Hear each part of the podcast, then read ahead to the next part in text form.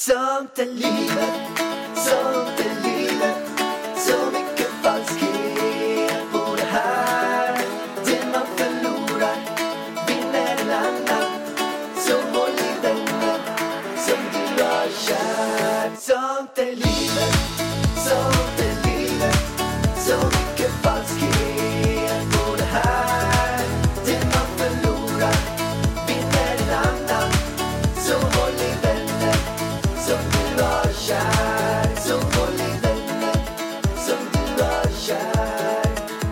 Varmt välkomna till Sånt är livet. Sådant är livet. Oh, oh, oh. Vargen, snart är det dags för dig att gå ut och köra din son med den nya snowracen som jag var runt typ överallt. Alltså Pellan, jag har varit så taggad på det hela dagen. För att det varit så här krispigt väder, det har varit lite snö ute, solen har varit framme. Alltså jag var på så gott humör. Och nu, precis en halvtimme innan man ska hämta han typ, då är det snöstorm helt plötsligt. Men snöstorm är ju trevligt vargen. Alltså Pellan, jag har suttit och blivit fönad i håret i två timmar och känner bara åh, nice frisyr. Nu måste jag ut i det blöta slasket. Och mitt hår, det, det är förgäves Men vad fan, vargen. Vad spelar det för roll?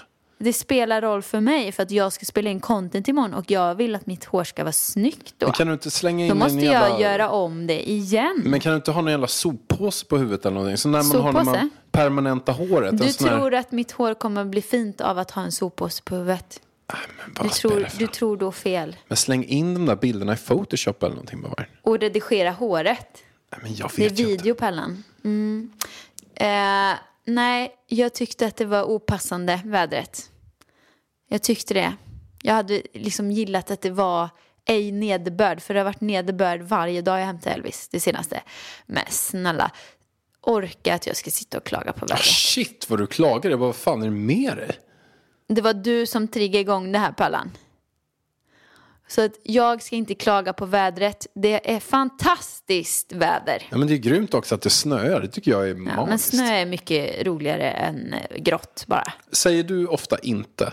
För veckans utmaning jag kör, det är att man inte ska säga inte. Men nu sa du ju inte att man inte ska säga inte. Exakt. Ordvits. Men säger du ofta inte? Jag har ingen aning.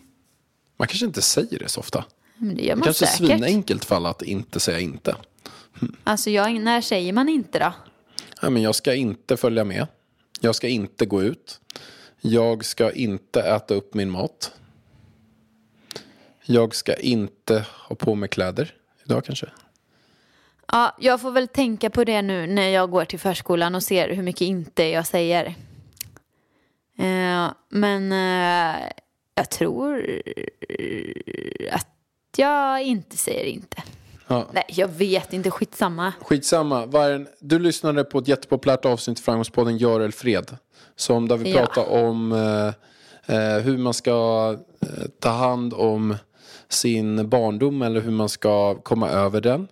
Eh, och att se upp bekantskapen, eller se upp bekantskapen, att se upp kontakten med sina föräldrar. Eh, det har ju varit väldigt mycket folk som har skrivit eh, om, om det avsnittet, har skrivit till mig. Hon eh, som var med, Görel Fred, psykolog, och, och har skrivit bok inom det här. Hon har blivit helt överröst med folk som har hört av sig och vill ha henne som psykolog. Hon är specialiserad på barn och hur eh, Ja, hur man ska klara av. Alltså, de flesta har ju på något sätt någonting från barndomen som har satt spår i livet. Hur man ska komma över de grejerna. Ja, det är ju kul för henne men jävligt tråkigt att höra liksom. Då, för då är det ju så himla många som har problem liksom som de behöver bearbeta. Men det är ju väldigt bra att man då tar tag i det. Eh, du har ju väl också bokat tid hos henne?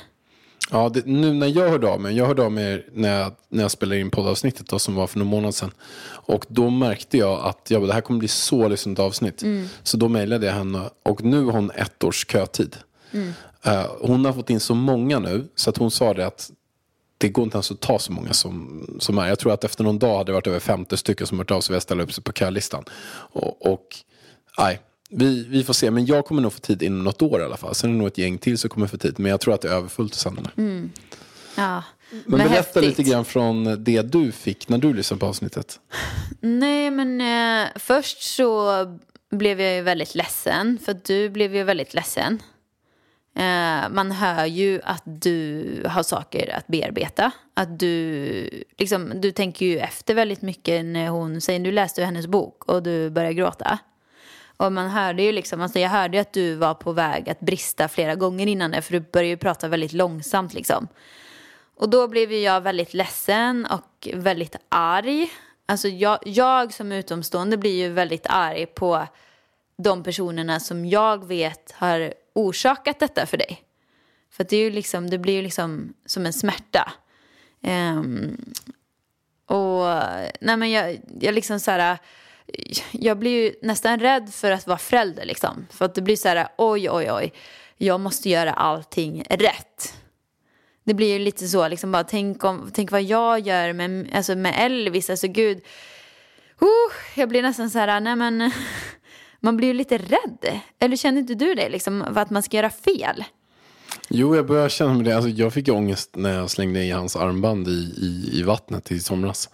Eh, för att, att tänk om det är hans första minne i livet. Tänk om han minns det hela livet och det är liksom det han minns. Eh, det var att Elvis slängde, slängde sitt armband hela tiden. Och då skulle jag på ett rätt eh, eh, obra sätt demonstrera honom vad som kan hända. Om det är så att man eh, eh, slänger sitt armband. Så när han slängde sitt armband nästa gång så slängde jag eh, eh, i, det vattnet helt enkelt. Jag slängde ut det typ 30 meter ut i vattnet. Jättelångt också. Du tog det och bara så här... Kastade allt jag kunde Kast. typ rakt ut i vattnet. Eh, och, och det var ju kanske inte eh, helt bra. Alltså, och jag det går har han att aldrig snacka om sett fortfarande. Elvis så ledsen. Som, han blev helt förstörd, alltså från ingenstans. Du gjorde det som ett alltså, litet skämt ju typ. Ja, men lite grann också så här, han slängde det hela tiden när han blev lax och tog, tog han upp och slängde iväg det. Och då tänkte jag så här, det är så nära att ramla i vattnet nu. Så jag tog det så här, nästa gång han slängde iväg det och var så här, lax så tog jag det och slängde jag det ut i vattnet. Hur som helst. Nej men du tänkte, jag måste ju berätta, du sa ju så här, nej men han får lära sig en läxa. Men jag tror inte det var Elvis som lärde sig en läxa. För vad hände sen Pallan? Vad fick du göra? Ut och dyka efter eh, halsbandet. Eller armbandet för att han var så Du ledsen. låg ju och dök jättelänge och det slutade med att du hittade inte för det var så grumligt. Så då fick jag ta bilen och åka in och köpa då hade de inte exakta armband så jag fick köpa typ sju andra armband. Man ville fortfarande ha det där som du hade kastat ut så dagen efter så fick du ut och dyka igen och då hittade du det. Ja, det var kaos. Men det roliga är ju att han pratar ju om det jätteofta. Ja. Ja. pappa kastade mitt armband. Och jag säger, han Åmål. sa det bara häromdagen. Eh, och, och han bara, pappa kastade armband, Åmål. Jag bara, ja Elvis, men du fick ju massa nya armband. Och sen så hittade pappa också armbandet. Han bara, ja men pappa kastade armband, inte kasta armband. Jag bara, nej pappa ska inte kasta armband. Så, så att det, med tanke på så här barnuppfostran, jag, jag börjar också känna det. Tänk om man gör någonting som sätter, sätter så djupa spår i honom på ett sätt som... Jag minns när jag var liten, då var det min mammas, min mamma hade en kille då, som eh, skojade med mig bara. Det här är ingen så här traumatisk grej så, eller påverkar mig så, men jag minns det så himla klart. Som ett av, in, inte jättemånga minnen jag har i den åldern, men då brottade han ner mig, la mig på golvet, så tog han röklödder på min kind. Eh, och det var så speciell upplevelse. Jag typ började gråta då och sen låg jag på kvällen och kände att jag typ hade ont i kinden. Och det, det hade jag inte men jag var så förstörd av den där grejen. Att han bara la ner mig på marken och tog raklödder på kinden. Att det var så... ehm, ja, det satte sina spår. Och, och någon sån grej skulle jag ju absolut kunna göra med Elvis. Och sen vet jag ju så att det där påverkar ju inte en som person. Men alltså det sätter inga djupa spår. Även om jag skulle ha någonting mer så är det inte det som påverkar. Men det är en massa andra grejer som har påverkat. Men det är klart, ja så är det ju. Man tänker mycket på hur man är som förälder. Ja, men samtidigt så säger de ju liksom också att ingen är ju perfekt så man ska ju inte vara, alltså ingen kan vara perfekt liksom. 100% by the book och ja, men man börjar ju tänka liksom mycket. En sak är ju till exempel det här med att man inte ska eh, säga, eller att barnet inte ska behöva säga förlåt hela tiden. Om den typ, vi säger att Elvis puttar en eh, kompis på förskolan. Och då har ju jag, jag tror Elvis förskola vill att man liksom säger förlåt och kramas. Och då har ju jag kört på, men då är det väl så man gör liksom, för jag har aldrig haft ett barn förut. Eh, men sen när du hade poddat så kom du hem och sa liksom att man ska inte säga förlåt. Eh, och då började jag köra en annan metod som jag sen hörde i podden att ja, men det, var, det var så man skulle göra. Och det är ju att man eh, istället liksom säger så här, om vi säger att ja, men Elvis slog mig för att han fick inte en pepparkaka. Liksom.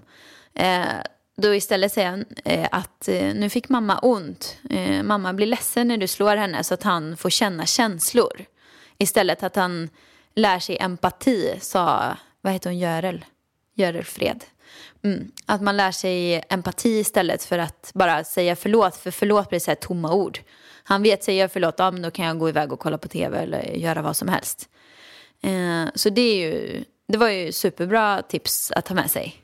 Ja, verkligen. Eh, det var ju... Det var ju som, för att säger man förlåt hela tiden så, som du säger, så urvattnar man ordet.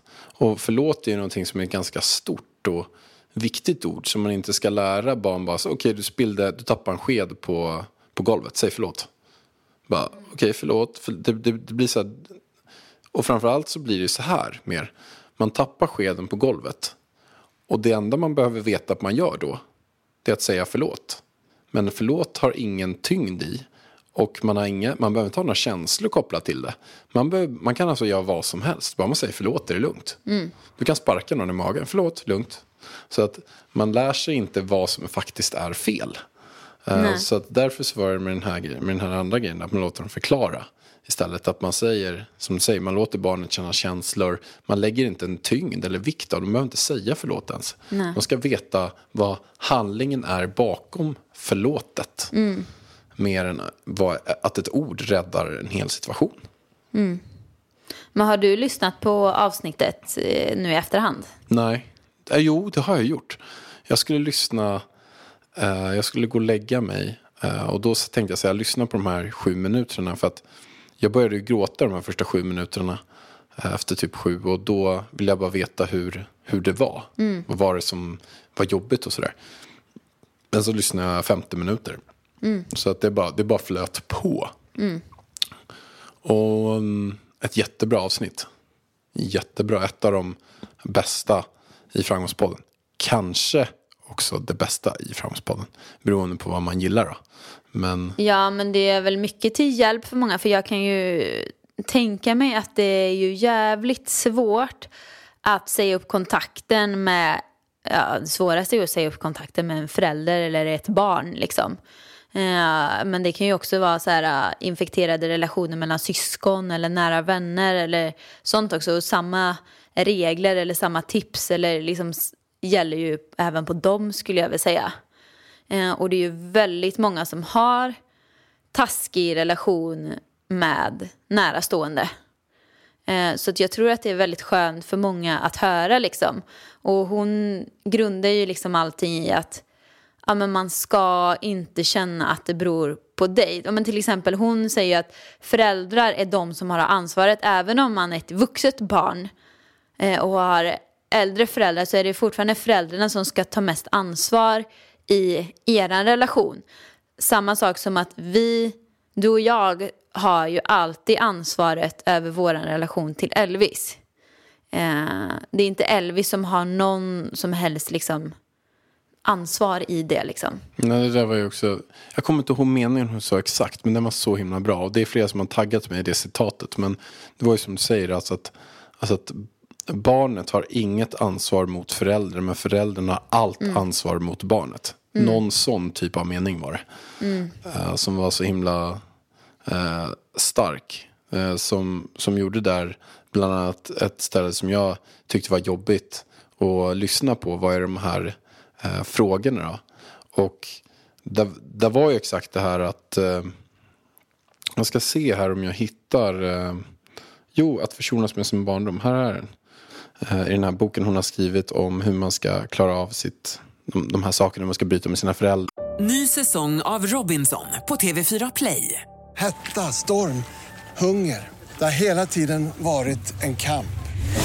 Nu är det blod och tårar. Fan händer just det. det detta är inte okej. Okay. Robinson 2024, nu fucking kör vi. Streama söndag på TV4 Play. eller vice versa. Eh, och då ett gäng olika punkter här som, är så här som visar om man känner att man har haft en tuff barndom eller inte. Och, och du som lyssnar på det här, känner du igen dig i någon av de här? Du känner dig som ett trotsigt, surt och besvärligt barn i sällskap med dina föräldrar fast du sedan länge betraktat dig som vuxen. Du tror att det som hände när du var liten var ditt fel. Du tycker inte att du kan hävda den gräns gentemot dina föräldrar som du skulle må bra av. Du tror att om du bara blir lite bättre och gör lite mer så kommer du att känna att de är stolta över dig och älskar dig. Du har svårt att tro att du är värd att älskas när inte ens dina föräldrar verkar ha gjort det. Du plågas av skuldkänslor över den son eller dotter som du är. Du förlåter aldrig dig själv för att du inte klarade att få mamma eller pappa att sluta vara ledsna, slåss, dricka, skälla eller vara ironiska. Ironiska. Ja. ja. Men det är i alla fall, ehm, eh, och det är säkert många av er som lyssnar som känner igen er av några av de här. Eh, och Känner du igen dig? ja, jag känner igen mig många. Jag kan dra dem som jag känner igen mig mest på. Den här, du tror att det som hände när du var liten var ditt fel.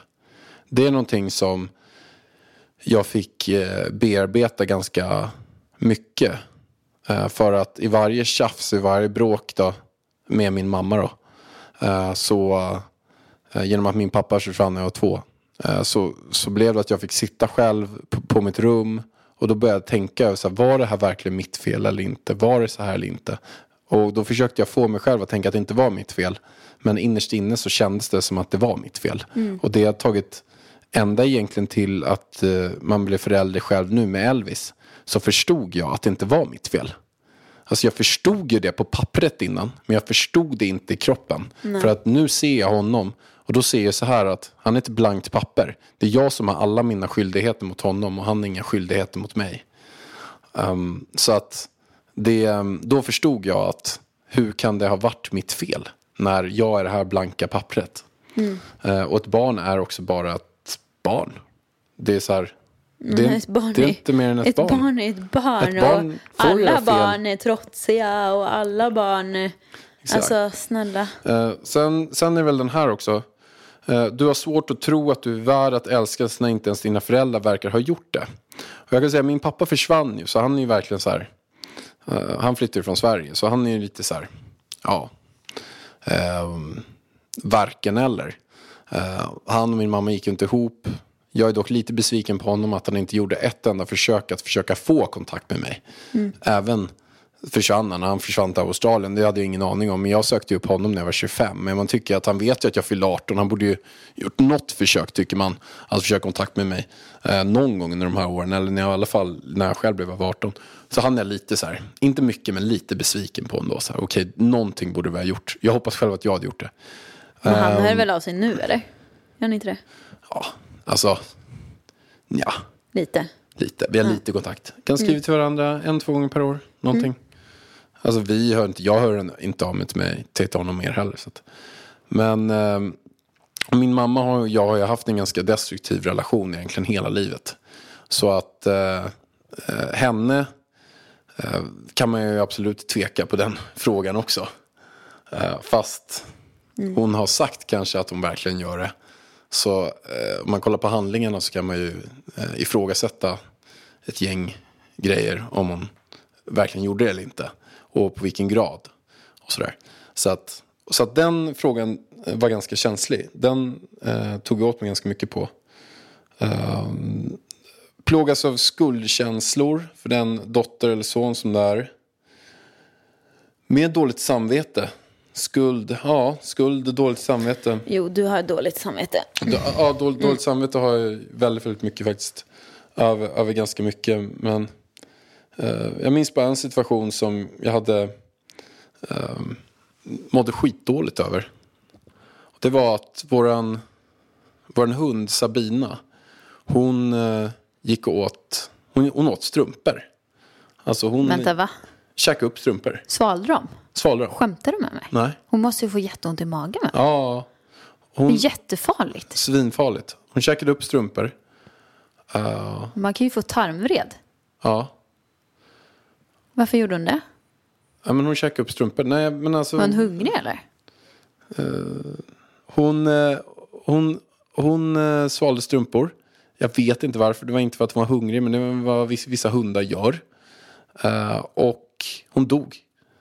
Uh, för att hon just svalde strumpan. Hon dog två år gammal. För att de op- skulle operera ut den här strumpan. Den fastnade i magen. Och sen så kunde de inte få ut den.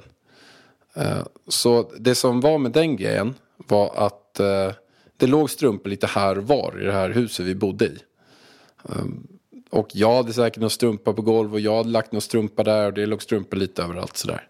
Men min mamma anklagade mig att det var jag som hade mördat Sabina. Det var jag som hade dödat hunden. Och det var, tog sjuk, var sjukt svårt för mig att få bort det. För jag visste ju så här, jag vet inte vilken strumpa hon åt. Den strumpan låg där och jag kanske var 11-12 år gammal. Eh, men eh, då att hon sa det att nej men du, det är du som inte skulle lagt strumpan där, det är du som har gjort så att hon dog. Det var så, så jäkla tungt. Och det var min hund och det var den hunden som jag älskade Jag hade blivit över allt, helt förstörd. över allt annat. Och då att min egen mamma anklagade mig för att ha dödat den personen som jag älskar mest. Det var, det var svintungt för en tolvåring att psykiskt komma över. Och att var en, ändå jag, jag såg det, men det låg ju någon strumpa där. Det kan säkert varit den som jag la där, men det, jag hade ingen avsikt att göra någonting sånt. Eh, då var det fortfarande att det, eh, ja, jag, genom att det är så starkt när en förälder säger någonting åt den också så, så går det inte bara att förbise det. Nej, det där är ju bara, alltså det där är ju inte sanning och det är så jävla elakt att göra så. Elakt är det framförallt. Alltså det är så fruktansvärt elakt till och med att göra så mot sitt barn. Att lägga all skuld på dig. Exakt. Alltså det är ju, det är ju så, det behöver ju inte vara någons fel. Hunden kanske hittar en strumpa liksom. Eh, fast, eh, Och jag ah, måste säga en grej nu. Shit alltså. Eh, jag fick precis mail nu. Jag kollade det bara jättesnabbt. Hej Alex, vi har fått ett meddelande från Pärlås i. Jag har inte hunnit lyssna igenom men hon har anmält mitt senaste avsnitt. Från din mamma alltså. Eh, Jag ska se här. Ja, hon försöker få bort avsnittet. Lycka till. Det kommer hon inte få. Sak som är säker. Ja, ja. Ja, man väljer inte sina föräldrar. Nej, man gör ju inte det. Eh, och jag kan tänka mig att om man är med om sådana här saker att man liksom man känner att det är ens eget fel och att man blir inpräntad det i så många år. För jag kommer ihåg hur jävla känslig man var när man var i den åldern liksom. Skulle mormor ha sagt till mig att det var mitt fel att hunden dog, för mormor hade en hund som dog i cancer. Alltså jag hade ju jag ha- jag hade blivit helt förstörd. Alltså den här hunden var ju det bästa jag visste och man är så otroligt känslig i den åldern också. Nej, fy, alltså, ah, usch, alltså jag blir tårögd alltså. Ah, gud vad jobbigt. Nej, du, du har ju, alltså, att du liksom har klarat dig och blivit liksom en så bra människa. För det är ju verkligen inte alla som gör det. Sådana som går igenom sånt här. När de, utan de hamnar ju liksom, kan bli likadana själva, kan hamna i missbruk. Oh, jag, jag blir så ledsen. Mm.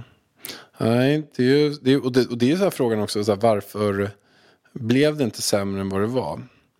Eh, och jag tror att det har varit väldigt mycket andra personer runt om som har hjälpt mig under min resa. Så att jag, jag har sett väldigt så bra, jag har haft bra människor. Visst, jag har haft, jag och min mamma har inte riktigt kommit överens och varit jäkligt stökigt där. Eh, Men jag har ändå haft väldigt bra människor runt omkring mig. Jag har haft bra vänner. Jag har haft, deras föräldrar har verkligen också eh, visat mig väldigt mycket kärlek.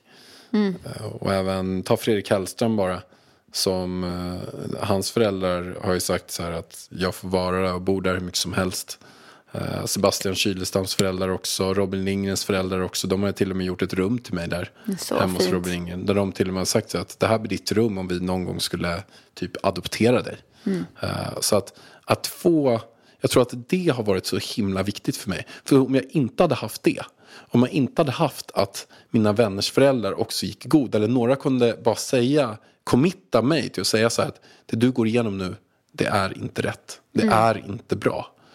Eh, om jag hade fått vara i min egen värld och blivit matad med saker och inte kunnat få bekräftelse på att det här inte är rätt. Så där tror jag det kan knäcka en.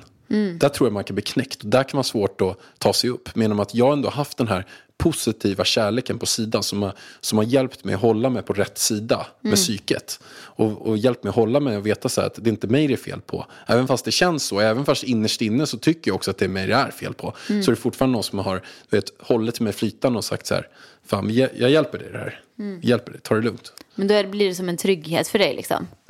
Ja. Eh, så, och allt det här eh, ledde ju till också att när jag var 15 år gammal så eh, fick jag nog av allting. Så att jag gick till socialen och sa att det här funkar inte hemma längre. Och då flyttade jag till en, ett familjehem i Tyresö. Så då bodde jag i Haninge. Och sen så flyttade jag till ett familjehem i Tyresö. Och där bodde jag med ett gäng andra ungdomar på en tomt, ett hus. Och hade två grymma eh, personer, eh, Fredrik och Kiki, som hade hand om det här familjehemmet. Då. Som hade två egna barn. Eh, och sen så, hade vi, så, så bodde jag där. Och där fick jag också, de var ju jätte, Kiki och Fredrik var ju eh, grymma. Och jag fick jobba åt Fredrik. Han hade ett Eurostore som är typ som ett Rusta som jag jobbade på. Och sen, jag hade ju ett gäng olika typer av jobb och sådär. Men han, han är jag jättegod vän med idag också. Han är ju en nära vän. Vi var ju hemma hos dem eh, Jättetrevlig. för, ja, för ett tag sedan. Men ja, så var det med det. Herregud. Men hon pratar ju också om det här med att försonas med föräldrarna. Att hon har ju liksom inne både barn och föräldrar hos henne. Och då är det ju oftast att barnen har en historia och föräldrarna säger typ det är inte sant. Jag var visst en bra förälder och la la la la la. Fast hon, vad var det hon sa om det? Att det, för att man ska kunna försona så måste föräldern inse att, den, att barnet har känt så här. Och att det är barnets verklighet och acceptera liksom att ja, men jag har gjort fel. Liksom, för att annars går det inte. Och det är tydligen väldigt sällsynt. Nej men, nej, men du är helt det rätt. löser sig. Exakt, ex, ex, exakt, så, exakt så som du säger faktiskt. Man, måste, man måste förstå att eh, eh, oavsett vad jag tycker så har vi en person som tycker det här. Och man måste gå ett steg tillbaka, våga eh, också kunna lyssna. Och inte avbryta hela tiden och säga att det är fel. Och förstå att oavsett vad jag tycker och tänker så, har vi, så finns det olika typer av verkligheter. Och nu måste jag förstå den här verkligheten. Och acceptera den också. Och förstå att den här personen känner så. Oavsett vad jag tycker och tänker. Och där finns det ju ganska många som, som inte committar sig till det. Men, men, eh, och, och, där, och där finns det ju verkligen situationer eh, som det är läge att bryta. Som man inte ska vara i kontakt. Och, och eh, jag har ju brutit min mamma. Det har ju varit jättesvårt. Eh, och tagit jättelång tid. Men, men vi, vi bryter kontakten. Men jag hade också en person som skickade in ett mail till mig. Eh, Som jag tycker var väldigt så här, gripande. Och det var att hon har inte haft kontakt med, hon är tvåbarnsmamma. Hon har inte haft kontakt med sin pappa på typ så här 20 år. Och då um, skickade hon det här avsnittet eh, till honom nu för några dagar sedan bara. Och skrev vad hon tyckte och tänkte. Och då hade han ringt till henne gråtandes. Och de har inte pratat på hur länge som helst. Och han hade lyssnat på det avsnittet, ringde och grät till henne och nu har de en relation. Och det här var liksom start på nytt. Det är häftigt. Det var häftigt alltså. Ja, många kan ju liksom säkert förändras om de bara vill det. Och många, alltså, många föräldrar är också trasiga. De kanske också har haft trasiga barndomar och allting och behöver gå och prata med någon. Men det känns ju som att alltså, i våra föräldrars generation att det är lite så här tabu att gå och prata med en psykolog. Det känns ju som att det är mycket mera i vår generation tillåtet liksom. Men det känns ju som att många i våra föräldrars generation behöver. För att det känns som på den tiden då pratar man inte öppet om saker så som man gör nu. Utan då skulle man stänga in allting. Eh, och som typ Marisol säger, min kära spå healing tant, att pratar man inte om saker så bearbetar man inte. Utan man måste prata om det för att kunna komma över det liksom. För annars så gror det liksom här inne. Det är som att men om någon dör så är det ju många killar speciellt som inte gråter ut. Och eller liksom ska spela, ja men killar gråter inte, det är ju så man får lära sig. Eh, och då hamnar den sorgen inombords eh, istället och eh, kan skapa aggressioner och kan skapa sjukdomar och liksom sådär. Och jag tror verkligen på den grejen att det är så himla viktigt att prata om saker för att då får man det ur sig. Och är man ledsen att man gråter för att få ut det där. Alltså det, det har verkligen hjälpt mig typ när eh, min mormor och min farfar gick bort. Alltså då gråter man och gråter och gråter och gråter och sen så tar tårarna slut. Då har man liksom gråtit färdigt och då känns allting så mycket bättre. Man saknar dem fortfarande men man, har, man kan liksom gå vidare. Och det tror jag är så himla viktigt om man har gått igenom en sån här barndom som du till exempel. Att det är så himla viktigt att öppna upp och prata om det för att då får man det ur sig. Men har du, när du lyssnade på avsnittet, är det någonting, eller hörde de här sakerna, är det någonting som du kan se tillbaka på din som har varit jobbigt? För du har ju två så här svinbra föräldrar, Paula och Olle, som är liksom så här typ eh, svärmors dröm på föräldrar. Är det någonting som du ändå har tyckt eller påverkat eller varit jobbigt? Nej. Alltså nej, jag är så tacksam. För att man kan ju också tycka att saker är jobbigt fast det inte... a- a- Alltså, man behöver inte jämföras med någon som kommer hit från Nej. Afghanistan som, där båda föräldrarna bombats sönder och sen har syskonen styckats i påsar. Och sen, och sen ska man sitta och klaga på sin egen. Då, då kan man till och med kolla på min barndom och jag säger shit, jag har inget att klaga på. Men även om man har haft en fin och bra barndom så kan det fortfarande vara saker som, det kan vara någon mobbing i skolan, det kan vara så att Ja, pappan alltså- kanske inte såg en eller mamman var, det kan vara vad som helst som gör så här att man känner ändå att det har varit, Nej, alltså ingenting alltså, med min mamma och pappa. Alltså de har ju varit världens bästa. Alltså, det är, alltså, jag har ju världens sämsta minne också. Men eh, det är ingenting som jag kommer ihåg. Alltså, utan det är väl mer så här, alltså, typ mo- alltså, mobbad i skolan blev jag ju liksom. Ibland. Men jag känner, ah, det så här, alltså det, det mest traumatiska är väl typ när det har varit pojkvänner som har varit otrogna. Alltså det är väl typ det som har varit mest traumatiskt. Och sen att jag var lite sen i utvecklingen liksom. Att man blir kallad för plankan och typ behandlad som en liten unge när man är så här 13 år och ser ut som man är 8 liksom. Det är mer sådana saker, att man kanske hade dåligt självförtroende då. Men det är ingenting direkt som jag kommer ihåg. Och sen att man var, blev lite mobbad av andra tjejer i gymnasiet liksom. Men det är så här, det känns ändå, jag levde väl i min lilla bubbla liksom. Och det känns ju som att det rann av en. Så att det är väl ingenting, alltså det känns inte som att det har satt djupa spår. Så. Sen vet du fan vad, om, om man gör någon eh, hypnos, liksom vad som kommer fram då. Men, det var en hypnotisör som hörde av sig till mig idag och frågade om jag kunde, ja, men jag tycker att du ska hypnos. köra Pallan. Jag har du gjort hypnos? någon? Ja, men jag, det gör ju det hos, jag gör ju det hos Marisol. När var du där senast? Nej, men det var ju i torsdags. Berätta lite grann om Marisol och vad hon gör och vad som hände senast. Nej, men alltså hennes alltså, filosofi är ju... Alltså jag går ju till Marisol för att jag so- har sovit lite dåligt.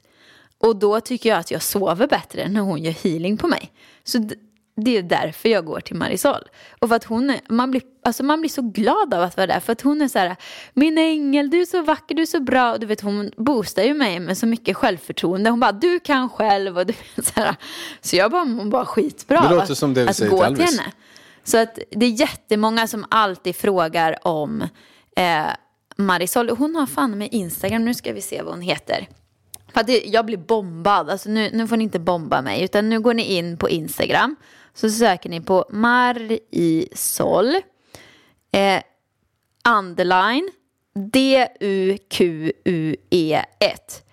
Jag kan inte uttala duck. D-U-Q-U-E-1. Och då kan ni skriva till Marisol. Eh, eller ringa henne är det bästa för att jag tror hon har lite problem med synen. Eh, så kontakta henne. Hon är fantastisk och gör healing och, och hon gör ju då, eh, vad heter det nu då? Vad var det du pratade om? När man går tillbaka i tiden, vad heter det? Hypnos. Hypnos. Eh, lätt, eh, jag tror hon kallar det för, hon kan göra hypnos men hon gör typ något som heter djup avslappning som är som en lätt hypnos. Och då blir det liksom som att hon håller på att fråga mig en massa frågor. Och jag känner ju så här, jag är ju alltså helt med. Jag sover inte eller liksom är i någon hypnos nu. Men ändå så sitter jag och svarar på jättekonstiga frågor hela tiden som hon ställer. Ja, men hennes filosofi är i alla fall att man föds som ett blankt blad. Att jag, Ida, jag är ju en själ som just nu lånar detta skelettet som jag är i nu. Och skelettet föds liksom som ett blankt blad. Och kommer det med sjukdomar så, så är det från tidigare liv liksom. Eh, och man är helt frisk från början men att så här, små trauman och stora trauman i livet skapar eh, alla sjukdomar som är i kroppen som allergier, som cancer, som olika saker liksom. Eh, och då är det så himla bra för att i hypnosen eller djupavslappning så pratar man liksom om saker. Och till henne så går det liksom inte att ljuga för att hon, det känns som att hon ser rakt igenom. Om jag skulle ljuga för henne skulle hon veta det liksom. Eh, så det, och så håller hon på med kristaller och jag vet inte allt vad hon håller på med. Kristaller också. Kristaller ja, som drar ut energier typ ur kroppen och håller på med någon massage. Och, du vet, det är så här massage, en massör, de håller på att knåda lite och så känner de så oj, här var det en liten knut och så trycker de lite extra där. Hon är så här, "Ah, nu ska jag trycka på benet, du kommer ha jätteont där. Och så trycker hon, du vet, alltså inte känner efter utan bara på den här punkten. Och så har man så jävla ont där liksom. Och sen när hon är färdig, då har man inte ont där längre. Så himla konstigt. Ja, det är typ så hon jobbar. Mm, grym. Hon, måste ty- hon tycker ju att du ska komma dit. Måste komma dit nu. För hon sa att du hade problem. Eller hon sa att du har blockeringar i underarmarna och utsidan av benen, sa hon till mig. Det kanske är för att jag spelar för mycket ens, paddel. du har aldrig ens träffat henne. Det kanske är för att jag spelar för mycket paddel. Ja, ingen aning du Pallan. Eh, men eh, så är det. Jag tycker du ska testa gå dit. Det måste jag göra. Det är bara skönt att vara där liksom. Nej men jag är taggad. Jag gillar henne. Ja. Jag har ju varit med på månceremoni. Nej, det har du ju inte. Jo det har jag ju. Vi gjorde det i Åmål ju. Ja, men det var ju min egen, men det var inte med. Marisol har ju månceremonier varje månad när det är fullmåne typ. Där det är en stor, inte nu under corona kanske, men innan. Badar de alltid eller? Nej, nej, nej, nej. Då sitter de i grupp och då väljer hon ut den som hon hypnotiserar. Jag såg hur hon hypnotiserade den helt. Alltså det var det sjukaste jag sett för jag Men vad var det tjuvkollade. som hände där? Nej men jag vet inte för hon stod bakom och så typ förde hon den till höger och till vänster och den satt ju och blunda och kollade framåt och hon stod bakom och den bara flög åt olika håll den här personen. Jag fattar ingenting. Och den gick tillbaka i barndomen och var på några Men barnkalas och allt skrek den och började gråta eller? Bah, bah, bah, bah. Nej men prata liksom. Wow. Ja. Det var det. Men när man är där, Mm. är man inte rädd för att börja garva då? då? Nej, nej alltså. Du kommer inte börja garva. Nej. Men jag tänkte så att om man är där, någon håller på och bara så här. Humla, gumla, Nej men hon gumla." håller inte på så. Nej, nej, nej. Så där håller hon inte på. Hon, hon pratar med dig vanligt liksom. Och hon har som pondus. Slänger mig åt olika håll. Nej men inte slänger, men alltså hon stod bakom med händerna över så här. Höger, vänster och så åkte huvudet liksom efter så här. Men så gör hon ju inte på mig, jag ligger ju på rygg. Spännande. Mm. Spännande. Och om man ska kontakta Marisol då, hur gör man då? då? Men jag sa ju det, eh, Instagram. Marisol, Instagram. Hon borde ju ha någon hemsida också. Marisol Instagram, man kan skriva till henne där. Ja, men då kan ni skriva till henne där så kan ni få hennes eh, eh, telefonnummer. För hon ser som sagt ganska dåligt tror jag. Eh, ja. Har du något mer att tillägga i den här podden Pallan? Det är bra. Det blev, eh, det blev lite djupare podd. Det blev väldigt djupt. Det blev och det det var ju också. fint att du delar med dig. Så.